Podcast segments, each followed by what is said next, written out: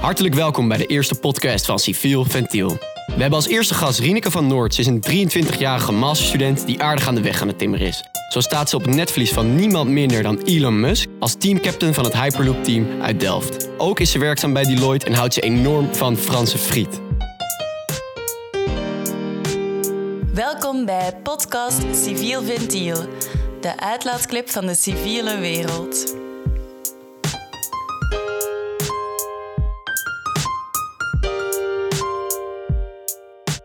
Rieneke, welkom. Dankjewel. Wat leuk dat je er eh, wilde zijn. Onze eerste gast. Nou, wat leuk dat ik mocht komen. Hey, ehm, je zit hier eh, vanwege meerdere redenen. Vooral eh, omdat je een civiele achtergrond hebt, maar ook vanwege je loopbaan gaandeweg. Na je civiele bachelor ook. Ik heb een lijstje gemaakt, want je hebt niet stilgezeten de afgelopen tijd. Daarop staat een functie bij Deloitte, een functie bij Van Noord. Niet te vergeten je, je betrokkenheid bij het Hyperloop-project. Maar eh, laat ik anders niet de woorden uit je mond nemen. Vragen, kan je jezelf even voorstellen? Ik ben dus uh, Rieneke van Noord. Ik ben 23 jaar inmiddels. Ik heb de bachelor civiele techniek gedaan. Daar heb ik ook van alles bij PS gedaan. Extract, jaarboek, uh, Reco. Allemaal hartstikke leuk. Heel erg van genoten. Ja. Uh, daarna ben ik na mijn bachelor... Uh, ik was in drie jaar klaar, dus ik had wel zin om iets anders te doen. Toen ben ik uh, Hyperloop gaan doen. Toen was ik teamleider in het jaar 2018-2019. Hyperloop met uh, 40 andere studenten ja, van de TU Delft. Ja, was heel tof. Hm. Je zit gewoon een heel jaar lang met z'n 40 uh, op één project te werken. En uh, ja, het is echt ongekend. Ik heb nog nooit zoiets meegemaakt. En ik betwijfel ook of dat ooit nog zal gebeuren. Nou ja. ja, was echt heel tof. Ja, nice. Hey, over die Hyperloop kunnen we gelijk doorgaan. Ja. Want als ik aan Hyperloop denk, dan denk ik ook gelijk aan Elon Musk. eigenaar van onder andere SpaceX, maar ook Tesla. Elon Musk die heel erg betrokken is geweest bij Bitcoin. Hij heeft ervoor gekozen om met Tesla Bitcoin te accepteren. En hij heeft zelf ook een flink bedrag uh, geïnvesteerd in Bitcoin zelf. Uh, nou gaan we het niet over Bitcoin uh, hebben. Ik zie. Oké, okay, dat is fijn. Ja, het is niet mijn specialisatie. Nee, nee. Dat, dat, hoeft gelukkig niet. Nee. Maar waar we het wel over gaan hebben is eigenlijk het feit dat Elon Musk, dat laat hij nu ook zien door, door deze actie, eigenlijk veel meer is dan een early adopter. Elke technologie in mijn ogen daar is hij als eerste bij. Zo zie je het met de elektrische auto's, met raketten, her, herbruikbare raketten. En nu ook met de Hyperloop. En jullie hebben meegedaan aan die SpaceX Pod Competition. Ja, en heb jij daarbij het geluk gehad om hem te mogen ontmoeten? Ja, hij, uh, hij was er zeker. Um, op dat moment, heel eerlijk, stond mijn hoofd niet echt bij hem. Ik vond mijn eigen team en mijn eigen Hyperloop veel interessanter. Dat is ook logisch. omdat er natuurlijk zo ontzettend veel emoties bij komen kijken. Dus op een gegeven moment was hij er wel. Maar het is natuurlijk een super drukke man. Dus we hebben op het eind van de dag, iedereen was natuurlijk al helemaal verbrand en bezweet en emotioneel. En toen moesten we nog op hem wachten. En het duurde en het duurde. Dus toen hij er kwam, verwachtte iedereen vuurwerk of, nou ja, ik weet niet, iets super spectaculairs. Mm -hmm. Maar wat we eigenlijk van hem verwachten, is dat hij een super inspirerende spreker is. Maar ik denk dat zijn kwaliteiten vooral liggen bij het bedenken van ideeën. Mhm. Mm -hmm. um, en ze dan de wereld inbrengen, dat uh, laat hij vaak aan zijn collega's over. En ik denk dat hij daar goed aan doet. Ja. ja, daar ben ik het wel mee eens. Hij is altijd in interviews of zo, is hij altijd... Hij is niet echt een vloeiende babbelaar Nee, hij is een beetje ongemakkelijk. ja, dat vind ik ook. Ja, en dat is dus zo. Ja, hij kwam daar bij die, bij die Hyperloop aan en we mochten hem allemaal, ieder team mocht hem dan één vraag stellen. Maar uiteindelijk gaf hij ook weer super uitgebreid antwoord dat er maar drie mensen aan de beurt kwamen of zo. En um, ja. ja. hij heeft heel veel over tunnels gepraat. Wat ik natuurlijk persoonlijk heel erg interessant vond. Ja. Maar de meeste mensen die er waren hadden toch meer Hyperloop-achtergrond en minder ja. tunnels. En is dat dan vanuit de, de Boring Company, uh, die tunnels? Ja, ik denk, hij denkt... Um, het is sowieso ook vanuit de Boring Company. Die organiseren ook die wedstrijd mee. En we hadden ook onze okay. advisors waren ook daar vandaan. Maar Elon Musk, heb ik het idee, hij denkt heel erg in de volgende stap. Dus als okay. wij allemaal nog bezig zijn met wennen aan het idee dat hij tien jaar geleden had, dan is hij al twintig stappen verder. Mm -hmm. ah, ja. Dus um, ja, hij zat al helemaal met, oké, okay, Hyperloop, dat komt wel goed. Eerst de ja. tunnels, we moeten ja. eerst die snelle tunnels bouwen.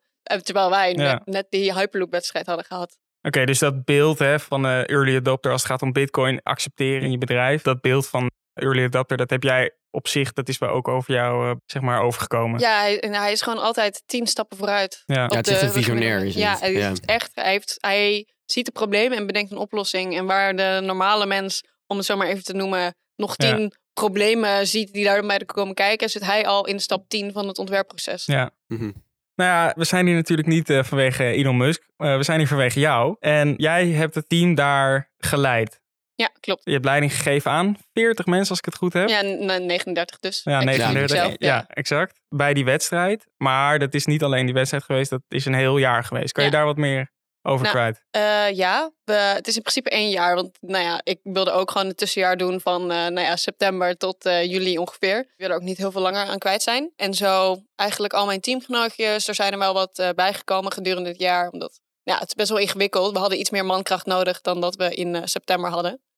Eh, ja, je begint met z'n veertigen. Niemand Ja. heeft echt heel veel ervaring. Je staat voor een super grote uitdaging. En je weet niet waar je eigenlijk eh, over een maand staat of over een jaar staat. Ja. Uh, je moet er toch maar wat van zien te maken met z'n veertigen.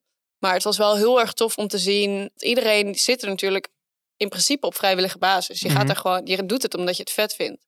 Je krijgt er niet voor betaald, je krijgt er Ja. geen studiepunten voor. Dus iedereen doet het echt vanuit eigen motivatie. En dat zorgt ervoor dat je een groep van 40 studenten hebt die echt zo ongekend gemotiveerd zijn. En dat vond ik echt bizar om te zien. Ja. Mensen die gewoon zonder te klagen nachten doorhalen. Ook als je ze naar huis stuurt nog blijven. Omdat ze gewoon net een klein detail nog Ja, willen ja. veranderen. En dat is echt heel erg indrukwekkend om te zien. Ja, en jij werd teamleider, hè? Maar Ja. hoe was die onderlinge structuur in het begin? Want ik neem aan dat je niet meteen begint van, ah, ik wil teamleider worden. Nou, dat gaat dus eigenlijk wel zo. Oh, echt? Eh, ja, het is, Ja, ik heb geen idee. Ja. Ja, je kunt bij Dream Teams begin je met de sollicitatieprocedure. Nou, dat is ongeveer februari, maart begint dat. Dan kun je opgeven. Eh, en dan heeft vaak het huidige team of teams van de jaarlagen daarvoor... hebben gewoon een structuur in hun hoofd. Met posities die ze op kunnen vullen met mensen. En nou ja, hoe je voor software engineer kan solliciteren... kan je ook voor teamleider of voor Mhm. projectleider solliciteren. Dus het wordt wel op die manier gedaan inderdaad. Want Ja. je zit gewoon, ja, je hebt niet echt tijd om nog die onderlinge structuur te veranderen. Je moet vanaf moment één eigenlijk vol gas Ja, geven. want je bent met 40 man. Als er dan Ja. geen structuur is, lijkt me ook wel lastig. Maar was jij meteen van mening dat jij teamleider wou worden? En waarom? Eh, nee. klaar met mijn bachelor, of klaar- bijna klaar met mijn bachelor. En er was een of andere borrel en daar wilde ik niet heen. Dus ik had een excuus nodig om niet te gaan. En toen zei een vriendintje van mij, oh, je kunt naar de interesseborrel van Hyperloop. Ik dacht, oké, nou ja, prima. Doe ik. en toen vond ik het eigenlijk best wel leuk. Dus toen dacht ik, oké, nou ja, voor de grap, ik ga wel solliciteren. Ja. Maar civiele achtergrond, dus ik dacht, ik doe wel iets met civiel. Dan kunnen ze vast wel een civiele gebruiken. Bleek ook zo te zijn, maar ze hadden ook geen- nog geen teamleider. Dus toen werd ik opgebeld met, hey joh, je hebt gesolliciteerd voor iets heel anders, maar wil je toch niet toevallig teamleider worden? ja. Dus ik dacht, nou oké, sure. Dus zo geschieden eigenlijk. Online las ik ook dat vooral jouw rol in de Student Council eh, van de faculteit Civiele Techniek daar ook aan bij heeft gedragen. Heb je daar enig idee van? Of? Ja, ik heb in mijn bachelorperiode, eh, nou ik ben natuurlijk begonnen bij PS bij de extract. Toen was ik eerstejaars Ja. layout, deed ik volgens mij. Eh, en toen ben ik, tweede jaar ben ik voorzitter geworden van de Eureko. En toen, daarna heeft dat me geholpen om ook voorzitter te worden van de FSR inderdaad. Oh, ja. En omdat ik al een beetje daar dus die ervaring had opgedaan, denk ik wel dat dat zeker heeft meegespeeld. Ja. ja, dus leiding geven is iets wat vaker terugkomt in principe in dingen die je hebt gedaan. Ik vind het makkelijker om overzicht te houden dan echt Ja. inhoudelijk op de dingen in te gaan soms, ja. Ja, en dan even specifiek over dat leiding geven. Want ik las een eh, mooie quote. I would talk to a lot of people. How are you doing? How are you feeling in the team? Is everything going alright? Dit was uit een artikel waarin iemand beschreef van hoe jij als leider bent van zo'n team van 40 mensen. Ja, Ja, en het komt gewoon eruit dat jij heel betrokken bent bij de mensen waar je leiding over geeft. Dat je de tijd neemt. En je zei ook van, eh, ik ga liever een eh, kopje koffie nemen en een wa- wandeling eh, maken met iemand, want dan openen ze zich meer. Is dit iets wat je ooit hebt geleerd of wat je graag expres doet? vanuit het, de organisatie van de Hyperloop en van ons team is dat, zat dat eigenlijk in de structuur die al zij als management voor zich zagen. Omdat je in principe in een ja, high stakes, high reward environment werkt. Mhm. Dus er moet heel hard gewerkt worden. De, de resultaten die je af moet leveren is heel hoog. Dus de functie die je in het management hebt, is dus om te zorgen dat producten op tijd af zijn en dat de kwaliteit hoog is. Maar omdat je dat onmogelijke vraagt van mensen, zit er dus ook die extra factor bij. De teamleider, die er dus eigenlijk vooral voor is om te zorgen dat het team ook daadwerkelijk zich goed voelt. En een eenheid is. En dat iedereen zich comfortabel bij elkaar voelt. En Ja. in ieder geval een gesprek met elkaar aan kan gaan. Dus dat is echt de rol geweest. Ik heb me nooit zorgen hoeven te maken over de kwaliteit of over de planning. Mijn rol was echt om te zorgen dat iedereen zich op zijn gemak voelde. Ja. En als er wat was, om daar dan over te kunnen praten. Ja, dat is ook waar ik voor aangenomen ben. Om met mensen te praten. Om echt dat gesprek aan te gaan. Van, hé hey joh, hoe gaat het met je? En Ja. voel je je nog goed? Zijn er echt dingen uitgekomen ook van die één op één gesprekken? Ja, ja dat is ehm, door het jaar heen merk je ook dat eh, ja, je hebt pieken met stress, je hebt dalen met stress. Eh, en in de periode dat we bijvoorbeeld tegen een deadline aan zaten, merkte je wel dat bepaalde mensen op hun tandvlees eh, Ja. aan het lopen waren. Ehm, soms was ik er op tijd bij, soms dan had ik het gewoon niet snel genoeg door als mensen echt heel hard aan het werk waren. Te hard aan het werk waren. Ja. En ja, het is gewoon heel, heel erg belangrijk dat je als je in een teamverband werkt, of dat nou bij een teamleider is of, of bij een collega, teamgenootje, dat je in ieder geval je ei kwijt kan. Dat je in ieder geval het idee hebt dat je gehoord wordt en dat je Nou als je ergens mee zit, dat daar dan iets mee gedaan wordt. Ja, het klinkt wel alsof je weet waar je het eh, over hebt. Maar zijn de dingen die je geleerd hebt gekregen? Heb je wel eens trainingen moeten vol of mogen volgen voor dit soort dingen? Of is het allemaal natuurlijk bij je? Niet dit specifiek, maar we hebben wel gedurende het jaar door, we hadden een teamcoach die ons heeft geleerd hoe je een beetje met verschillende persoonlijkheden om moet gaan. Eh, iedereen zit natuurlijk heel erg anders in elkaar. En daarvoor hebben we eh, tests gedaan met wie zit op welke manier, een beetje gewired. Wat vinden mensen belangrijk? Ja. Want ehm, als de een iets belangrijk vindt, kan het goed zijn dat dan de buurman het helemaal niet belangrijk vindt. Ja. En het leren respecteren dat andere mensen anders zijn, is van die sessie en van het hele jaar door eh, een hele belangrijke les geweest. Niet alleen voor mij, voor heel veel mensen. Ja. Want eh, ja, je hebt altijd je eigen manier waarop het goed gaat en waarop je je goed kan concentreren en goede resultaten kan behalen.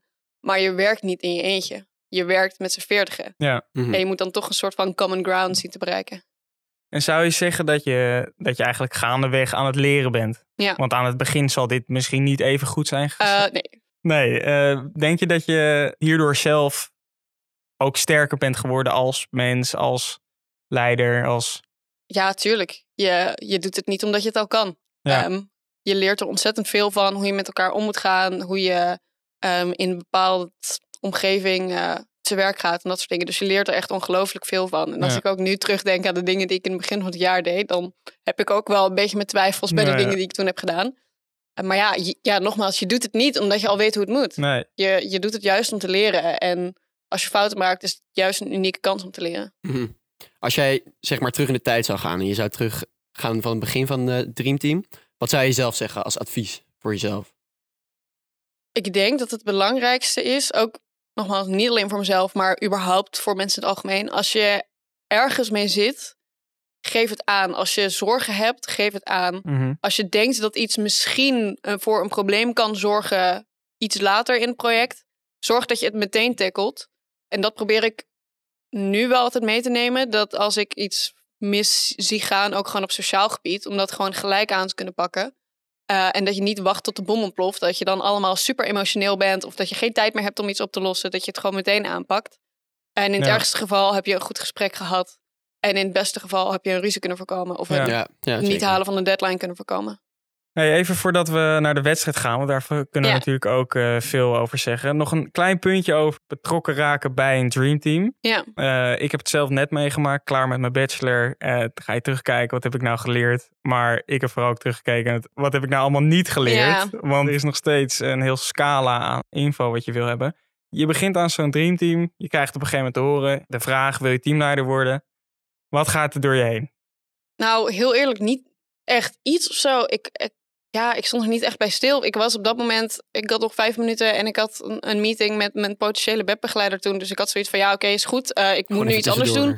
Het Ja. was niet, ja, het was niet echt iets. En je bent een soort van aan het idee. Het is niet van, ik ben van het een op het andere moment ga ik iets doen. Ik ga niet beginnen met civiel studeren en Mhm. dan wil ik deze commissie doen, dan wil ik deze studentenraad doen en dan wil ik Dreamteam doen, dan wil ik dit bijbaantje daar afstuderen. Het gebeurt gewoon op een gegeven moment. Oké, Het is, ja, opeens dan sta je er en dan denk je, oh, oh ja, dit gebeurt inderdaad. oké, dat is wel interessant. En ja, misschien dat het voor anderen wel zo gaat hoor, maar Maar je had niet echt een route uitgestippeld dus. nee, helemaal niet.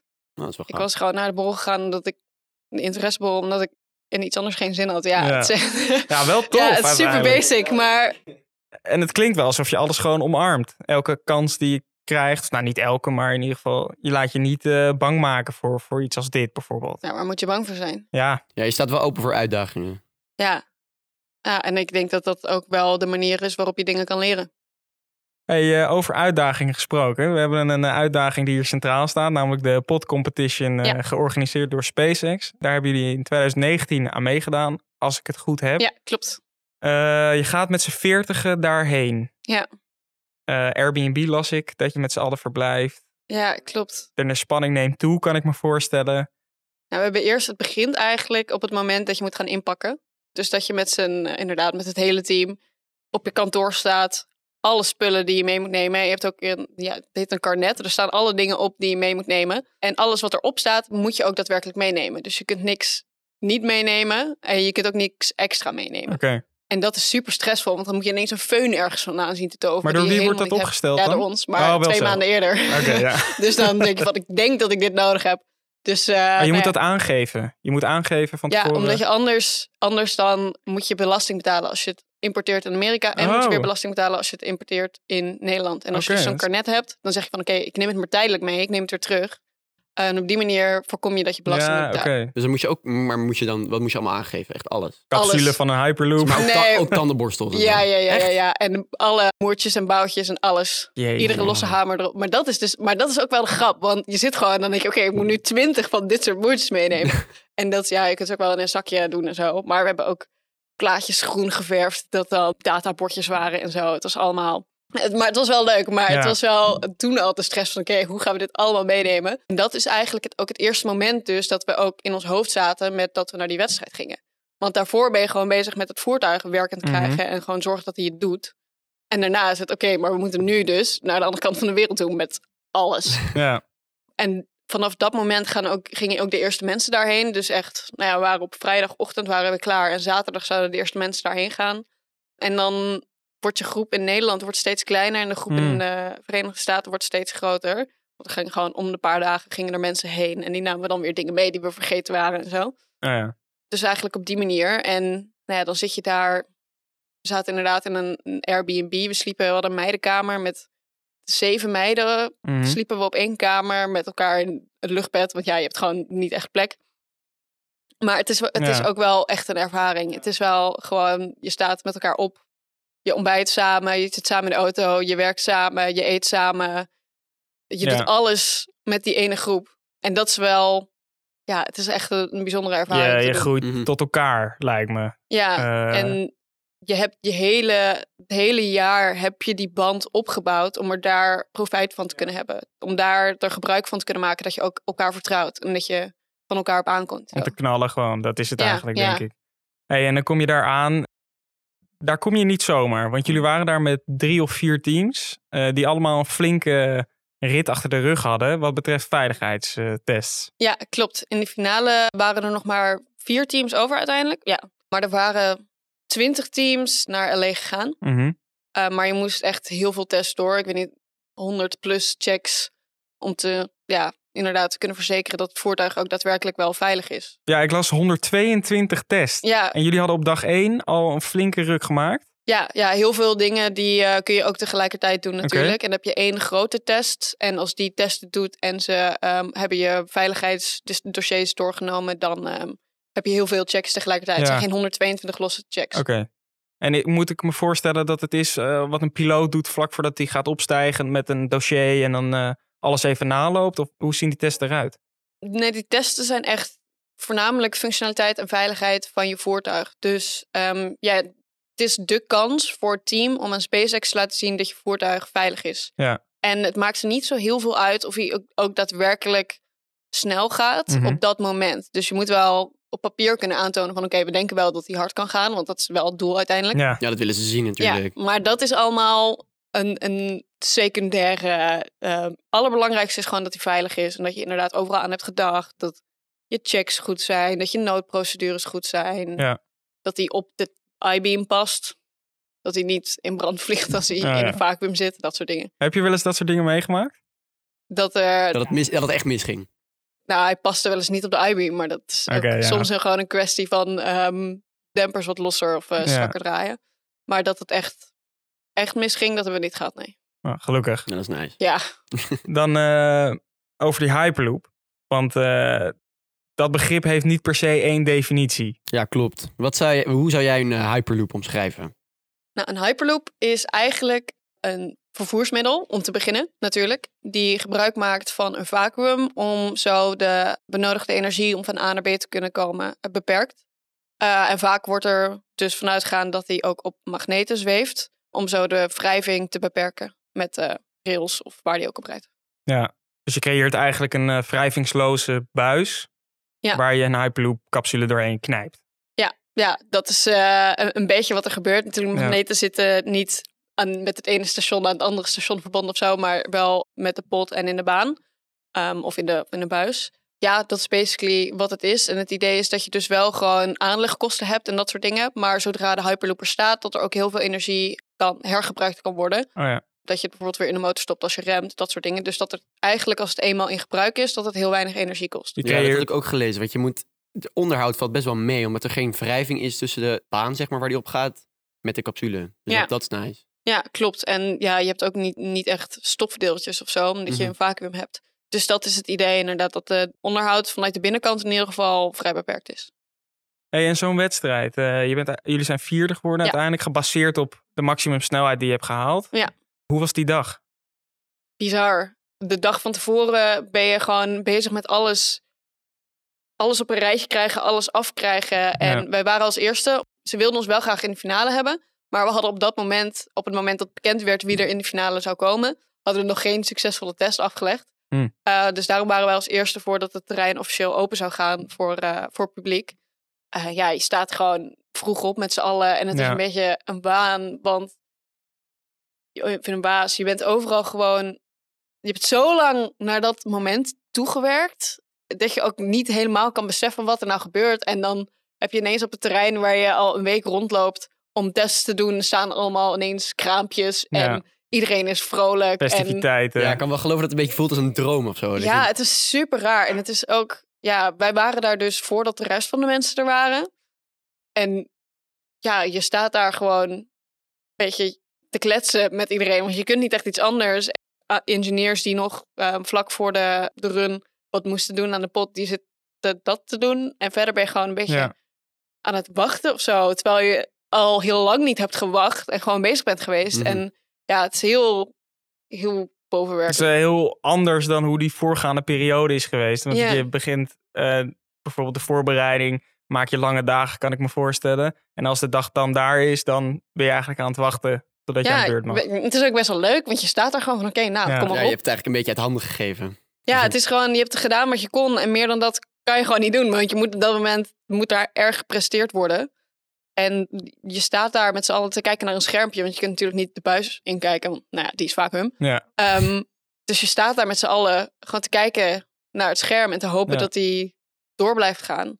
En uiteindelijk was dat dus helaas niet echt het geval. Ehm, en was hij na 90 meter gestopt. Wel 200 km per uur gered ongeveer in, eh 90, 90 meter? Ja, Zo. Ja het is, is- hij heeft hard is alleen, eh, eh, daar kan je ja. Usain Bolt, eh, die gaat erbij kwijt. ja. ja, ja, precies. Maar helaas eh, stopte die Want er was een fout in de communicatie waardoor de noodrem eh, aanging. Ja, de radiofrequentie viel weg of zo met de communicatie. In principe zit er al overal een noodrem op. Dus Mhm. in als er communicatie is verloren, dan remt hij. Als er iets mis is, dan, dan remt hij uit veiligheidsoverweging natuurlijk. Mhm. Dus inderdaad, zo is er weer iets gebeurd. Iets, ja, iets, iets heel kleins, onbenulligs eigenlijk. Wat dit was. Dit Ja. was onbenullig. Ja, het was, ja, als in, ik weet niet precies op welke tak het zat of zo. Ja. Maar als je de communicatie verliest, het was waarschijnlijk één draadje dat gewoon net verkeerd was of verkeerd losschoot of zo. En als dat niet was gebeurd, had hij dan nog, eh, ik weet niet hoe zo'n baan eruit ziet, hij dan nog een kilometer lang door kunnen gaan, snelheid op kunnen bouwen? Of, of Dat hoop je dan. De wat was de verwachting? Zelf, nou ja, wat we hoopten is dat we de 600 km per uur aan konden tikken. Want dat is ook waar de wedstrijd op gepasseerd was bijna. Dus eh, als je 617 km per uur kon gaan, dan kreeg je een bonus van Elon Musk. Dus dat was altijd Hm. ons doel geweest. Gratis bitcoin, denk Ja. ik. Precies. Dat was wel leuk geweest. Als het geen eh, bitcoin was geweest, dan was het waarschijnlijk wel een fix geldbedrag eh, geweest, nou ja, ik weet ik. dus niet, want dan heb je de pot al gemaakt. Dus dan heb je niet meer zoveel vrije geldbedrag natuurlijk. Oh ja. Maar ik weet niet wat het was, want niemand Nee. heeft het gehaald. Maar dat is altijd wel het uitgangspunt geweest. Van we willen gewoon meer dan Ja. 600 km per uur gaan. Ja, want niemand heeft het gehaald, dat zeg je goed. Eh, de winnaar, de TU München, Ja. De Duitse concurrent. Duitse Ja. concurrent, altijd weer, eh, nou ja, in ieder geval... van de partij. Ja, Ja. die wisten 465 km per uur te behalen. Maar dat is ook een beetje te nuanceren volgens mij. Ja, ik ja, eh, klopt inderdaad. Omdat, eh, nou ja, van tevoren krijg je gewoon alle specificaties over de baan te horen. Je krijgt te horen hoe lang die precies is. En ook de baan die bestaat eigenlijk uit i-profielen van ongeveer 3,80 meter lang. En tussen Mhm. die i-profielen zit gewoon... Ja, Een naad, ja, denk er zit ik. een naad. Er Ja. zit, gewoon, er zit soms net iets eh, scheef gelegd. En die tolerantie die krijg je dus ook allemaal. En daar ontwerp je voertuig op. Mhm. Maar toen we daar aankwamen, zagen we dat er echt een hele grote knik in die i-beam zat. En toen dachten wij ook van ja, gaat het dit überhaupt wel redden? Gaat het überhaupt wel levend over die bocht heen kunnen? En dat is uiteindelijk ook wat er bij de TU München is misgegaan. Die zijn dus tegen die grote knik aangekomen. En um, ja, daar is ook een deel van het voertuig is afgescheurd. Omdat ze zich niet hadden berekend op zo'n grote drempel. Maar die knik zat in de lengterichting, dus echt als een drempel zat die. Nou, hij zat... Hij zat... eh, Maar ging je rechtsom of linksom of ging je echt naar boven of naar beneden? nee, nee, hij ging, hij ging eh, naar de zijkant. Oh, Oké. Er wordt op dit moment met gebarentaal eh, wordt- wordt gevisualiseerd hoe de drempel eruit zag. Maar dat, je vergeleek het net met een drempel eh, die je normaal gesproken in een erf tegenkomt. In een 30 km per uur Ja. Op een snelweg. Ja, maar dat zijn dus de drempels waar we wel op hebben berekend. Dus een beetje die krachten, daar moet je van uitgaan als je denkt van, nou oké, dat kan het voertuig ook aan. Ja. Maar de drempel die daarin zat, die was inderdaad naar de zijkant. Die was echt veel hoger dan wat wij hadden opgekregen Ja, ja. in eh, nou ja, de hoek die die maakte met eh, de lijn door de, door de baan heen. Dus dat is eh, uiteindelijk nog best duur komen te staan voor die Ja. EU. Of zie ik dat verkeerd? Ja, ik weet uiteindelijk niet precies hoe een voertuig eruit zag. Want ja, daar wilden ze natuurlijk ook niet te koop mee lopen. Nou ja. Mhm. Ehm, maar ja, daar was wel wat een en ander misgegaan. Maar ze waren wel de snelste. Hadden jullie eh, veel communicatie tussen de teams? Of was het echt niet competitie dat jullie niet met elkaar spraken? Nou, niet super veel. Ik geloof dat de engineers wat minder happig waren op communicatie met elkaar. Gewoon omdat ja, je bent met je eigen ding bezig en je wil ook niet dat de rest per se kan afkijken. Hoewel je op de wedstrijd zelf natuurlijk niet meer bezig bent met je ontwerp. Maar ja, misschien is de wedstrijd volgend jaar wel hetzelfde. Ja. Dus dan wil je ook niet dat eh, Ja. iedereen weet wat, eh, wat je Ja. zelf had ontwerpt. Ehm, maar ja, het is ook logisch, want je bent gewoon met je eigen ding bezig. En op de, op de dag van de competitie zelf is iedereen wel gewoon... Ja, het is gewoon ook een hele leuke dag. Ja. Mhm. En je hebt het ook gewoon naar je zin. En uiteindelijk is dat ook waar ik zelf het meest van onder de indruk was op de dag zelf. Is omdat wij natuurlijk niet de prestatie hebben gehaald die we wilden halen. Maar we waren toch wel trots op elkaar en op Ja. onszelf. Ja, omdat we het wel zo ver hadden geschopt. En omdat we wel gewoon binnen een jaar bijna het onmogelijke hadden Ja. gedaan. En uiteindelijk was de teamband heel goed. En nou ja, tuurlijk werden er tranen gelaten. Maar iedereen omhelste elkaar en wist elkaar te troosten. En nou ja, na een paar uur was het eigenlijk vooral trots dat overheerste als gevoel. Ja. En niet meer de teleurstelling van dat het niet was gebeurd. Omdat we wel gewoon, ondanks alles, ondanks dat het niet is gelukt om de topsnelheid te behalen, hebben we wel gewoon echt een ongekende prestatie Ja. neergezet. En eh, ik ben heel blij dat iedereen uiteindelijk vooral trots was. Ja, Mm. nou dat, is, eh, dat kan ik me voorstellen. Er komen onwijs veel emoties eh, bij zo'n dag natuurlijk. Hey, even wat meer inzoomen op die eh, Hyperloop zelf. Ehm, ik heb een kritisch argument tegen de Hyperloop. Dit is geschreven door Wouter van Gessel, voorzitter van Stichting Freedom of Mobility. Zijn quote is als volgt: De Hyperloop kan alleen functioneren als capsules op grote afstanden afgeschoten kunnen worden. Deze afstanden zijn vanuit Nederlands perspectief altijd grensoverschrijdend. Mijn vraag is dan naar jou, Rieneke. Hoe zie jij de toekomst van de Hyperloop in Nederland? En denk je dat het realistisch is als er een Hyperloop komt? Europa brengt wel meer uitdagingen met zich mee dan bijvoorbeeld de Verenigde Staten. Of als je kijkt naar het Midden-Oosten, daar is het gewoon constructief ook een stuk eh, makkelijker om te bouwen. Ook alleen al aan de, de ondergrond natuurlijk. Ik denk dat we binnen Nederland genoeg alternatieven hebben op de Hyperloop. Ehm, en ik denk niet dat het op die manier echt een toevoeging gaat zijn. Want het idee is natuurlijk dat je gewoon op ontzettend hoge snelheden van A naar B kunt komen. En eigenlijk de snelheid van een vliegtuig hebt, terwijl je het gemak hebt van, van een trein. Ja. En als je dus maar kleine afstanden doet, je gaat ook niet van, van Groningen naar Amsterdam vliegen. Omdat er dan ook gewoon ja, te veel bij komt kijken. Je hebt ook zelf door dat het een beetje zonde is bijna. Omdat er juist zoveel meer potentie in zit om naar ja, verdere bestemmingen te gaan. Ja. Wat ook een issue is, is dat je, eh, omdat je zo snel wil gaan, is dat je een hele grote draaicirkel moet maken. Omdat Oh ja. je, je dwarsversnellingen ook niet te hoog kunnen zijn. Mhm. Dus je kunt ook niet zoveel, zoveel uitstappen Ja. maken, zoveel. eh, Ja, Zoveel bochten rechte, maken. rechte lijnen die je moet ja, nemen, ik toch? denk Ja. dat daar wel de toekomst zit van Hyperloop. Dat je gewoon van A naar B Letterlijk. 400 eh, kilometer Ja. verderop gaat. Ja. En eh, er zijn ook ontwerpen waarin je dus wel uitstapjes maakt naar eh, dat je dus wel verschillende steden die zich dan aanhaken op één soort van Hyperloop snelweg. En dat je daar dus afslagen aan hebt van de verschillende stations. Eh, maar ik denk over het algemeen dat de toekomst zit in echt grotere afstanden. Laten we zeggen, nou ja, een paar honderd kilometer tot duizend kilometer. Van hier naar Berlijn, zoiets. Bijvoorbeeld. Maar je zegt het wel goed, hè? Want we hebben eigenlijk de snelheid nodig van een vliegtuig en het gemak van een trein. Dat is in feite wat de Hyperloop omschrijft. Des te meer is het zonde dat dit niet nu dus in Nederland gerealiseerd kan worden. Want in Nederland duurt Amsterdam, Groningen ook nog steeds gewoon 2,5 uur. Ja. Terwijl hemelsbreed eh, dat natuurlijk niet per se hoeft. Ja, het probleem zit hem daar denk ik ook meer in de stops die je hebt. Want de trein aan zich voor dat soort kleinere afstanden is op zich wel een prima efficiënte manier van reizen. Maar als je dus overal wil stoppen en daar nog ook even stil wil staan, dan kom je gewoon heel snel aan een hele hoge of een hele lange ehm, tijdsduur. Ja. Ik geloof Arjen Lubach heeft er ook een stukje over wat het probleem is als je van Amsterdam naar Berlijn wil gaan. Mhm. Dat je gewoon in allemaal van die, van die kleine dorpen in. Oost-Nederland stopt. Ja, Terwijl je op een internationale intercity zit. ja, Ja, eigenlijk moet je gewoon een directe verbinding hebben. tussen Ja, en dan is de trein wel ja, een stuk efficiënter tijd-wise dan dat hij nu is. Dus ik denk, ja, de Hyperloop zit hem vooral op de, de afstanden die eigenlijk tussen de, de treinafstanden en de vliegtuigafstanden in. Want bijvoorbeeld de Schiphol wil eigenlijk ook niet van Amsterdam naar Brussel vliegen. Want dat is gewoon helemaal niet efficiënt. Daar maken ze ook geen winst op. Die willen Nee, ook ja, gewoon de grote intercontinentale vluchten doen. Voor juist dat soort afstanden zou eh, een Hyperloop weer heel geschikt Ja. zijn. Hey, en we hebben het over de snelheid gehad van de Hyperloop, het comfort vergeleken met dat van een vliegtuig en dat van de trein. Maar wat een trein en een vliegtuig allebei wel gemeen hebben, is dat ze een vrij grote capaciteit hebben.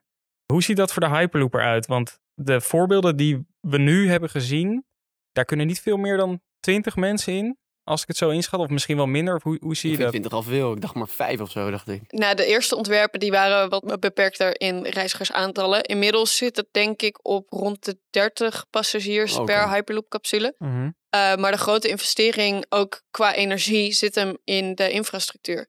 Als je dat helemaal hebt liggen, dan kun je er relatief goedkoop verschillende eh pots doorheen sturen. Dus nou ja, de, de frequentie van de pots is gewoon iets hoger. Maar dat zorgt er dus wel weer voor dat je geen tussenstop hoeft te maken. Want als je dat bijvoorbeeld, als je van Amsterdam naar Milaan wil bijvoorbeeld. Als je 30 mensen hebt, die willen waarschijnlijk allemaal naar Milaan.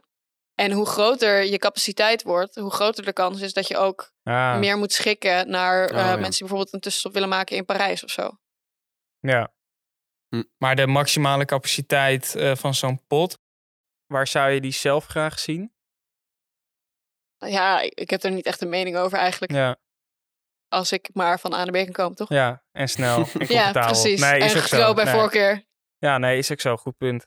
Even wat eh, gas terug. Ja. Want eh, je zit hier natuurlijk ook omdat je bachelor eh, civiel hebt gedaan. Yes. We hebben het er al ja, vrij veel over gehad, over je, over je loopbaan. Maar tegelijkertijd hebben we het ook een aantal dingen van je loopbaan onbesproken gelaten. Oh jee. Zo ben je op dit... Ja, nu komt het. Ja, oh jee, oh jee. Nou, Wees maar bang. Zo zit je op dit moment eh, onder andere bij Deloitte. Ja, En als klopt. ik het eh, niet verkeerd heb, dan is Deloitte vooral een financieel eh, adviesbureau. Ja, het is, ehm, dat kwam ook door Hyperloop Classic. Ik zit ook niet bij eh, audit of risk of zo zelf. Ik zit zelf in het eh, centrale innovatieteam. Oké. Ehm, en dat komt omdat ik in het begin van mijn Hyperloop-jaar heb ik bij Deloitte een keer een presentatie gegeven. En toen was ik na ehm, Hyperloop, had ik, moest ik alleen nog maar mijn master doen. Dus ik dacht, oké, weet je, ik doe ook even wat gas terug. Ik zoek even een bijbaantje daarnaast. Dus nou ja, hoe vind je een bijbaantje? Gewoon tegen iedereen zeggen dat je een bijbaantje ja, zoekt. ja. Dus dat heb ik toen ook gedaan. Pak dit ook op, hè. Dit is een Ja. tip eh, aan de luisteraars. schrijven dit. Schrijf het op, noteer Ja, ik heb gewoon tegen iedereen gezegd, ik, ik zoek een bijbaan. En ehm, toen ook tegen wat eh, eh, mensen die ik toen heb ontmoet. En toen eh, werd ik eigenlijk opgebeld van, nee joh, ik heb misschien wel wat leuks voor je. Dus eigenlijk is het ook een beetje op die manier gedaan, gaan. Ja, ja, inmiddels werk ik al een tijdje. Krijg je daar iets van mee? Van de grootte van Nee. Deloitte? Eh, nou ja, soms wel, omdat de dingen gewoon niet zo snel gaan. Je moet gewoon best wel veel deuren langs als je ook daadwerkelijk iets gewoon echt groots wil Mhm. veranderen. En je merkt wel dat de budgetten over het algemeen wel toereikend zijn voor de plannen die je hebt. Ook omdat het gewoon nog steeds een, een groeiend bedrijf is. Dus dat, maar ik zit vooral met mijn eigen team van Ja. zes mensen. En wat is precies je functie? Dat is een goede vraag. Ehm, Flinke frons eh, wordt er uh, opgetrokken. Ja, ik ben begonnen op eh, ecosystemen. Dus eh, dat is een samenwerkingsvorm eh, waarin bedrijven dus niet meer lineair één op één samenwerken, zoals vanouds heel erg vaak het geval was, maar meer naar een organische, dynamische structuur gaan, waarin meer partijen betrokken zijn, partijen wat gespecialiseerder zijn. En je op die manier eigenlijk uh, samen resultaat gaat boeken. In een soort collectief of zoiets. Ja, het, ja een soort consortium, Hmm. dat soort dingen. Zie je het bijvoorbeeld al, een, een onderdeel van ecosystemen is bijvoorbeeld ook als je, een, als je iets wil organiseren en je hebt allemaal partners die erbij betrokken zijn, die zijn ook een ecosysteem. En ja, op die manier is eigenlijk een partner, die heeft dan niet heel veel inspraak in wat er gebeurt. eh, maar die draagt wel bij aan dat het doel bereikt kan worden. Dus daar, daarop ben ik eigenlijk begonnen bij die Ja. Tot nu toe eh, niks eh, gehoord over eigenlijk je opleiding. Want je bent op dit moment Hydraulic Engineering Master aan het volgen. Maar tegelijkertijd werk je sinds een halfjaartje ook bij Van Oort. Nou, daar heb ik mijn stage gelopen. Oh, daar heb je stage gelopen. Ja. Dat is nu klaar. Ja, dat was alleen Q2 van dit jaar. Ja, dus, dus, van november tot eind januari. Ja, drie maandjes zoiets. Ja, en zoiets. daar ben je bezig geweest met klimaatadaptatie. Ja, klopt. Ehm, nou ja, het klimaat verandert. Dat staat eh, buiten kijf. Maar in plaats van alleen maar proberen om klimaatverandering tegen te gaan, wat natuurlijk super belangrijk is, is het ook inmiddels redelijk onvermijdelijk geworden om ehm, ja, ons te gaan aanpassen aan het klimaat dat verandert. Ja. En wij als Nederland hebben hier best wel een goede positie op. We hebben gewoon geld, middelen, kennis om ons land te verdedigen tegen klimaatverandering. Maar heel veel landen en heel veel gemeenschappen hebben dat niet. Dus het doel van Van Oort is ook om eh, ja, eigenlijk de hele wereld meer, ehm, ja, meer te ja, maken. weerbaarder Ja. te maken tegen klimaatverandering. Om echt die resilience op te bouwen. Dus daar ben ik ook mee aan de slag geweest. Van oké, hoe kunnen we nou als Nederlands bedrijf ervoor zorgen dat er ook in gebieden die misschien zelf wat minder welvarend zijn, wel Mhm. juist tegen klimaatverandering wordt opgetreden. Of aanpassingen worden gedaan, zodat het gebied leefbaar blijft. En heb je daar antwoorden al op gevonden? In welke Hoe je dat, nou, je stelt hè, heel logisch de vraag van ja, hoe kunnen we nou uiteindelijk niet alleen zorgen of proberen te zorgen dat die klimaatverandering stopt. Uh, maar je stelt ook de vraag hè, van oké, als het nou niet stopt, dan moeten we wel weten wat er op ons afkomt en daar daar ook klaar voor zijn. Ja. Zijn er op dit moment dingen waarvan je denkt, dit is echt iets waar we naartoe willen werken? Of Nou, ik denk een beetje, weer een beetje vergelijkbaar met ook ehm, weer ecosystemen is. Ik denk dat ouderwetse vormen van, van samenwerking, maar ook van bouwen, dat dat misschien niet helemaal meer in de mode is. Dat het gewoon lastiger is om nu echt een succesvol project neer te zetten dat maar voor, voor één doel specifiek gaat. En dat je juist als je je doelen wat breder stelt, als je weet dat je project niet alleen maar de maatschappij kan verdedigen tegen zeespiegelstijging, maar als je Mhm. daar bijvoorbeeld ook nog een recreatiegebied aan vastmaakt, ehm, ja, dat je op die manier gewoon veel meer welvarendheid kan creëren in het gebied dan wanneer je er gewoon een muur neerzet, bij wijze van. ja, en dat je dus ook echt je, je bouwwerk toekomstbestendig eigenlijk neerzet. Ja. En tegelijkertijd denk ik dan wel van, zijn er dan punten waar jullie nu echt al nauwlettend aandacht aan besteden? Bijvoorbeeld, om maar gewoon wat te noemen, eh, CO2-neutraalheid of energie-neutraalheid, dat soort dingen? Dat werd wel meegenomen in het bedrijf gewoon, ja, wat iemand meer brede zin. Maar waar wij op zaten is echt nog de oriëntatiefase van wat is er mogelijk. Mhm. En binnen het bedrijf wordt er natuurlijk wel aandacht besteed aan duurzaamheid. Om gewoon inderdaad minder CO2 uit te stoten, koffiebekertjes te recyclen, dat soort oké, dingen. Ja, Ja. ja en eh, dat was je stage, dat is nu inmiddels klaar. Ja. Is dat iets waar je verder mee wil, die klimaatadaptatie? Of, eh, Weet ik nog niet. Weet, weet ik nog nog niet. nou, ik heb dat, nog even. Dat, eh, is, ja, dat is hoe het gaat. Eh, Ja. Zo weten we op onze leeftijd sowieso eh, nogal weinig. En dat is ook wel interessant voor onze luisteraars. Van, eh, weet je, je, je bent aan het studeren, je bent je bachelor aan het doen. Of ja, je moet je bachelor nog kiezen of je moet je master kiezen, maakt niet uit. Er wordt veel gekozen en eigenlijk op relatief jonge leeftijd met heel weinig eh, levenservaring doen we dat nu. Ja. Jij hebt ontzettend veel keuzes gemaakt. Is er een raad, een, een manier waarop je die keuzes hebt gemaakt? Of waarin, je- waarop je kan ja, zeggen tegen anderen van... hey, eh, neem dit mee in je keuzes of, of voel je niet... Bijvoorbeeld bij je masterkeuze of zo.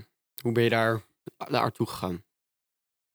Ehm, dat is ook een hele goede vraag. Ja, ik heb, ik Was er doe- weer een borrel? eh, Ja. waar- nee, eigenlijk geen niet borrel waar jij wilde. Nee, nee, toen kwam Ik, een heb- hoogleraar tegen en ja, toen dacht ik, weet Ja. oké, weet je, het wordt het hydraulic. ik weet eigenlijk niet precies meer hoe... Ik heb nooit bewust die keuze gemaakt. Het was meer gewoon, op een gegeven moment was dat zo.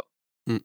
ja, het, is- ik hier heb je echt niks aan, I know. Maar Nou ja, ja, het, was ja, gewoon, het was op een gegeven moment gewoon zo. Ik heb nooit echt stilgestaan bij welke master ga ik doen of zo. Ik ben gewoon, ja, de logische. Maar op zich past het wel een beetje bij je, je interesse ook over Ja, ik vind het zo. super leuk. En ik heb, Ja. achteraf heb ik wel gedacht van, oh, waarom doe ik dat eigenlijk? En waarom doe ik niet iets anders? Maar ik sta wel achter mijn keuze. Ik heb gewoon nooit echt bewuste keuze gemaakt. Hm. Maar ik denk dat dat misschien, als ik iets zou moeten zeggen, denk ik dat je niet in één keer de goede keuze hoeft te maken. Je kunt ook best een keer verkeerd kiezen. En als je dan realiseert van, oké, ja, ik vind het toch niks. Of het is niet zo leuk als ik had verwacht. Of ik ben niet zo gepassioneerd als mijn studiegenootjes of mijn collega's tegen Mhm. die tijd. Dan stop je ermee. Hm. En dan ga je iets anders doen. En Heb je dat wel eens gedaan?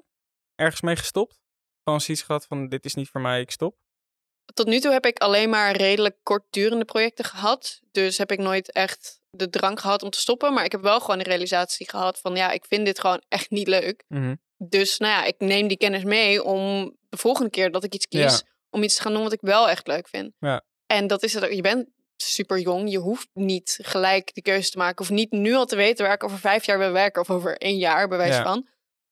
Die keuze kan ik nog later maken. En als ik dan een keer iets doe wat ik niet leuk vind. Of waar ik toch niet helemaal mijn eigen kwijt kan. Oké, dan stop ik en dan ga ik iets anders doen. Als, je, als ik zo jou bekijk en hoe je overkomt, hoe je ook binnenkomt, je mag uh, rephrasen zoals we dat dan eh, eh, kundig noemen, dan, ben ik eh, benieuwd wat je gaat zeggen. nou ja, dan merk ik wel op van, eh, dat je eigenlijk eh, vooral niet bang hoeft te zijn voor het maken van de verkeerde keuze. Ja, je komt er erg vanzelf zeker over. Ik denk dat je wel achter, dat je wel goed nadenkt. Je doet misschien wel een beetje laks van, het komt allemaal aanwaaien, maar... Nou, ik wil niet zeggen, het komt allemaal aanwaaien. Maar het is meer, het komt, het komt wel op je pad. Hm. En het is niet dat je gewoon vanaf het begin af aan precies moet weten wat je wil doen. En dat je altijd maar overal de beste in hoeft te zijn. Want ik ben ook echt niet de slimste op mijn studie, echt niet. En dat is prima, want ik weet ook dat ik andere kwaliteiten heb. En ik weet ook dat als ik straks ergens terechtkom, dat ik misschien juist weer, weer die kwaliteiten die ik wel heb supergoed kan benutten. En Ja. je hoeft niet de beste in alles te zijn om de beste in één ding te zijn. Maar toch ben jij niet een eh, student die hè, lekker, eh, nou niet dat daar iets mis mee is, maar die lekker lang over zijn bachelor doet, een beetje feestjes hier en daar. Ik bedoel, je bent wel kaart aan de weg aan het timmeren. Ja, maar misschien had ik dat achteraf gezien wel gedaan. Want ik heb nu wel zoiets van, ja, oké, Dat je iets gemist wel... hebt. misschien. Ja, nou, niet dat ik iets gemist heb, maar ja, op een gegeven moment... Nu ben ik bijna klaar met studeren. Misschien dat ik er wel een jaartje langer over willen doen. Ja, weet Ja. ik veel. Maar dit was ook leuk, maar misschien was iets anders ook wel heel leuk Ja. geweest. Nou ja, laten we na corona gewoon een keertje een goede borrel eh, ja. organiseren. Dan kunnen we dat nog een beetje Je moet even inhalen. een excuus als bedenken. je weer een hoor. excuus Ja, nodig ja. hebt, heel bellen. Ja, precies, dat is een mooi, eh, mooi punt, ja. Dag aandachtige luisteraars, hierbij een klein intermezzootje. Iedere zelfwaarderende podcast kan natuurlijk niet zonder rubriek. Wij kunnen niet achterblijven en hebben daarom het volgende segment in het leven geroepen. Bij het onderdeel Amicale Verhalen krijgt de gast de keuze uit drie verschillende personen. Deze personen vertellen een leuke anekdote uit hun leven met een bijbehorende vraag. Deze aflevering bestaat de keuze uit. Eh, de eerste is van Gijs Hendricks. En eh, volgens mij is dat niet een onbekend eh, persoon voor jou. Nee, eh Gijs ken ik wel, ja. Nou ja, eh, dat is hartstikke leuk. Ik hoop niet dat dat je, je keuze gaat beïnvloeden, maar mag natuurlijk altijd. Eh, wat ik van hem weet is dat hij op dit moment PhD eh richting eh, waterbouwkunde. De tweede persoon die we hebben is Stefan van den Biesen. En hij is directslid bij Witteveen en Bos. Hij is ook afgestudeerd waterbouwkundige. De derde is de heer Savenijen. Hij is oud-hoogleraar hydrologie. Je kent hem ook volgens mij. Ja, klopt. Ja, ik heb hydrologie van Ja, hem gehad eh, natuurlijk. een paar jaar geleden. Verder is hij erelid bij Praktische Studie. En hij heeft onder andere een International Award gewonnen Jemig. vanwege zijn bijdrage aan eh, de wetenschap voor ontwikkelingslanden. Dus eh, ja, dat zal op een eh, heel groot gebied zijn. Eh, nou, als ik dit, eh, deze drie keuzes aan je voorleg, eh, Ja, het is een moeilijke keuze. Ja, dit zijn, eh, het zijn alle drie wel interessante personen. nou, neem je tijd. Ik snap dat het een eh, lastige keuze is. Ehm, ja, oké. nee, ik ga wel voor de vraag van Gijs. Met mijn PhD-onderzoek ben ik op zoek naar hoe je het zoute water zoveel mogelijk buiten de deur kan houden in delta's. De gewassen van boeren vinden het zout bijvoorbeeld niet zo lekker. Ze vinden het vaak zelfs zo vies dat ze er dood aan gaan. Ook de industrie heeft liever geen zout in het water. Maar zout is niet altijd slecht, vies of verkeerd. Zo vind ik een beetje zout door het eten wel zo lekker. Hier ben ik vast ook niet de enige in. Wat is jouw favoriete zoute snack? Eh, ja, hands down, dat is friet. Hoef ik niet over na te denken. Ik eet ook, Nice. oh, dit is echt best wel gênant. Ik eet ook altijd eerst mijn frietjes op, omdat ik, mijn eten moet altijd of gloeiend heet zijn, of ijskoud. En niet lauw of zo. Dus ik hou ook helemaal niet van couscous of zo, want dat is echt gewoon, Mhm. dat is gewoon lauw. Dat is gewoon niet Ja, nice. nee, snap ik. Dus het moet gewoon gloeiend heet zijn. Mhm. En als je dus die frietjes bij een restaurant krijgt of zo, dan zijn die dan nog super heet. Maar Ja. als je dus eerst je, je hoofdmaaltijd gaat eten en dan bij je frietjes aankomt, Mhm. dan zijn die dus koud geworden en dan zijn ze dus niet meer lekker.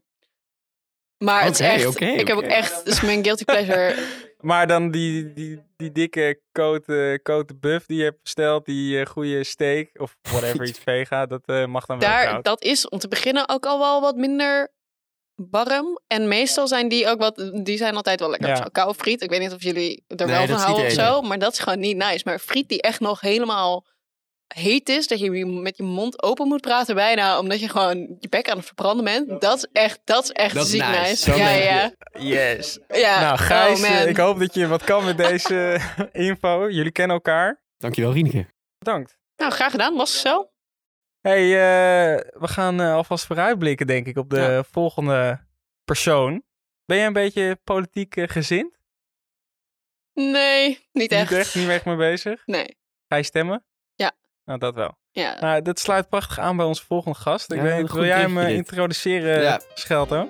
In aanloop voor de Tweede Kamerverkiezingen die 17 maart plaatsvinden, hebben wij een hele speciale gast. Namelijk Rick Grashoff. Hij is oud-voorzitter en oud-Kamerlid van GroenLinks, wethouder van Delft en natuurlijk niet te vergeten ook een civiel ingenieur. Ben je nu geïnteresseerd en wil je meer weten over Rick Grashoff? Luister dan vooral de volgende podcast. Groetjes. U luisterde naar Civiel Ventiel. Deze podcast is gebracht door studenten van het gezelschap Praktische Studie.